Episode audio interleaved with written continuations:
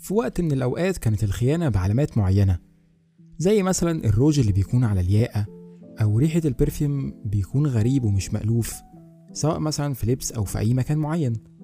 أو فاتورة كوافير حريمي نسيها في جيب البنطلون أو في تابلو العربية أو واقعة في الدواسة كده يعني. حتى مع ازدهار عصر الإعلام الاجتماعي وال social media صعبت وعقدت أكتر اكتشاف الخيانة. وسهلت وقللت من حدة الخيانة ذات نفسها على النفس. خلينا أفهمك قصدي. أول شتيمة اتقالت في السينما أو في أي فيلم عموما. ما تقنعنيش إن واقعها على النفس زي نفس الكلمة لو اتقالت دلوقتي. وبالقياس بقى هتلاقي إن واقع الخيانة دلوقتي ما بقاش واخد حجمه صح. القالب بتاعه اتلعب فيه وكل واحد بقى بيفسره على مزاجه.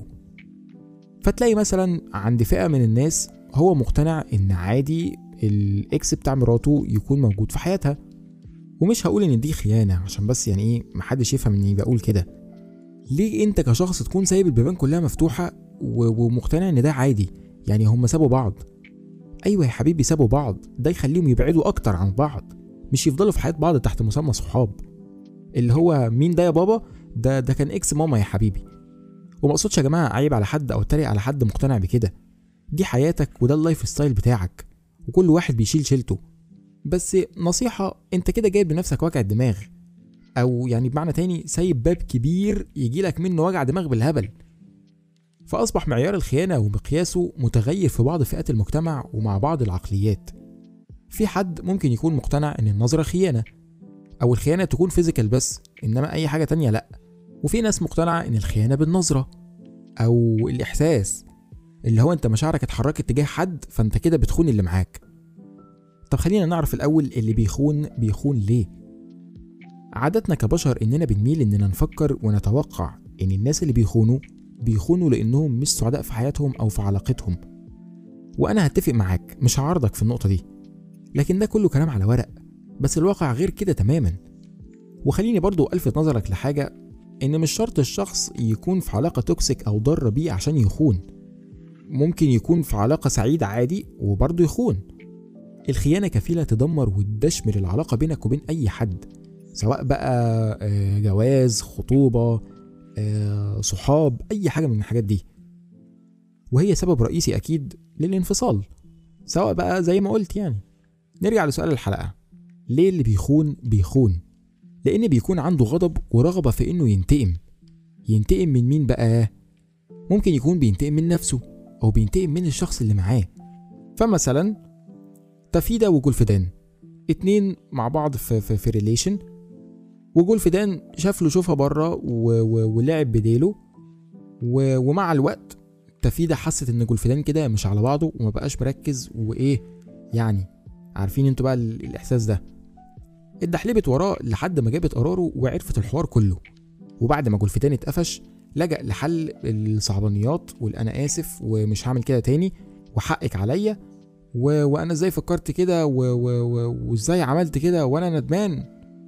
ويعني شوية ال... الدراما ده. وكتر خير تفيدة سامحته. مع الوقت تفيدة متضايقة إن جولفدان شاف له شوفها بره طب إيه اللي يمنع إن أنا أشوف لي شوفها بره أنا كمان؟ وما أقصدش بكلمة آه، شوفها بره إنها هتكون آه، خيانة physical أو جسدية. وسعوا مخكم كده معايا وكل واحد يعني إيه يشوف level أقل شوية من الخيانة ال physical ويعتبرني بتكلم عنه. المهم تفيدة عايزة تنتقم من جولفدان وتحس نفس إحساسه ألا وهو إحساس التغيير. لأن الرتابة في العلاقة بين أي اتنين مش لازم متجوزين بس بتموت. أنا لو جبتك وعرفتك على حد وخليتكم أنتوا الاتنين حياتكم ما تمشيش. يعني قلت لك ما تنزلش شغل ولا جامعة ولا مدرسة ولا أي حاجة من الحاجات دي. وفلان اللي اتعرفت عليه هيعمل كده هو كمان.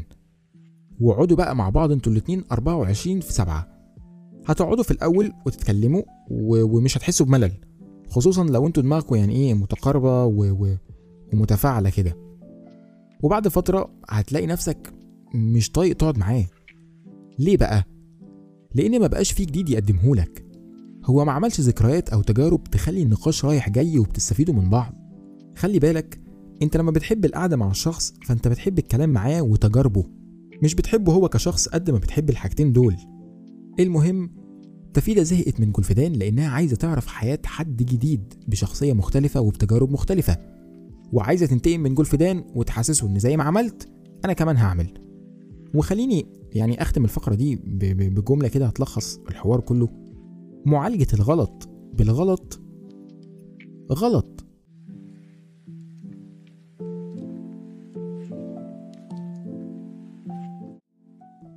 كلنا عارفين إن الحب ما بيدومش في كل العلاقات ومش معنى إنها ما بتدومش معناها إنك يعني هتكره اللي قدامك لأ.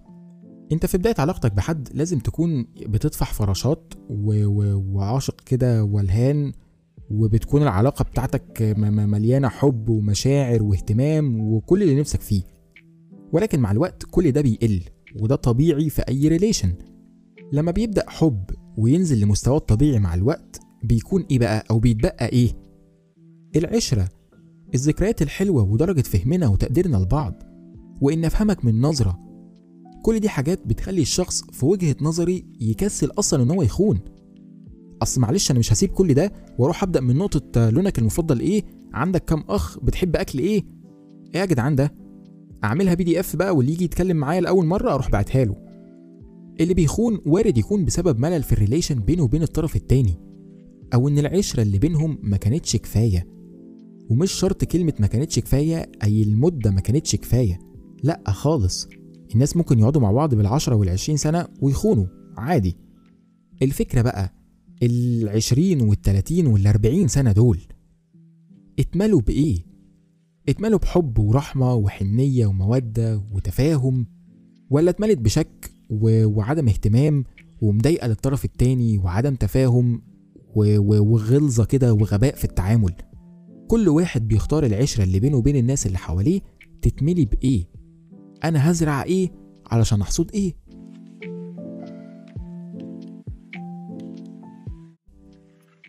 تعرف إن الحب بيخلص؟ آه والله زي ما بقولك كده. بداية الحب بتكون مليانة بالمشاعر والرغبة ولكن مع الوقت طبيعي بتخفت وتقل مع الوقت. وبالتزامن مع الحب اللي بيقل بينشأ عند الشخص رغبة في احتياج شخص يملى الحب ده. اللي هو يعني ده يقل ده يزيد مفيش وقت للتفسير. وما أقصدش إن الحب لما يقل نسبة الخيانة بتزيد لأ. أنا أقصد إن الحب لما بيقل بيزيد عند الشخص رغبته في إنه يلاقي حد يملى الحب ده. مش شرط بالخيانة يعني ممكن بأي سبيل تاني.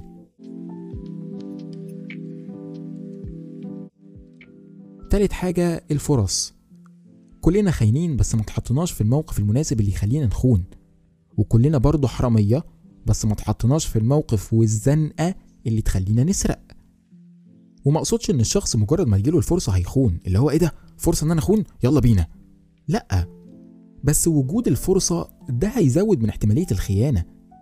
وتزيد الطينة مية لو الريليشن أصلا سواء كانت بقى صداقة أو أو أو ارتباط أو خطوبة أو جواز هي أصلا متوترة خلقة.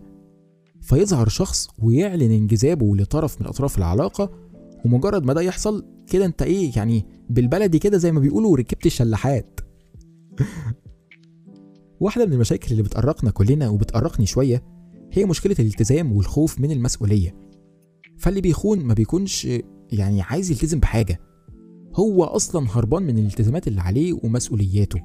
فبيروح لشخص يديله تاني هرمون الدوبامين وحب مفرط بدون أي مسؤولية أو التزامات. وده بيخليه منجذب أكتر. وأزيدك من الشعر بيت إن الإنسان بطبعه أصلا يعني إيه بيميل للحاجات الممنوعة. يحب يخرج عن المألوف يحب يخرج عن القانون أي حاجة تأيده لأ. يحب مثلا يجرب حياة جديدة بشخص مختلف فيعني دي دي غريزة فينا كلنا. أنت متخيل إنهم جابوا ناس وحطوهم في أوضة ما فيهاش أي سبيل للترفيه؟ خالص. وكان في زرار الزرار ده لو داسوا عليه هيتكهربوا. الفكرة إن الناس من كتر ما هي زهقانة بقت بتضغط على الزرار وبتتكهرب يعني البني آدم ده عجيب والله العظيم. نروح لحاجة مهمة بقى ألا وهي نقص التقدير من اللي قدامي.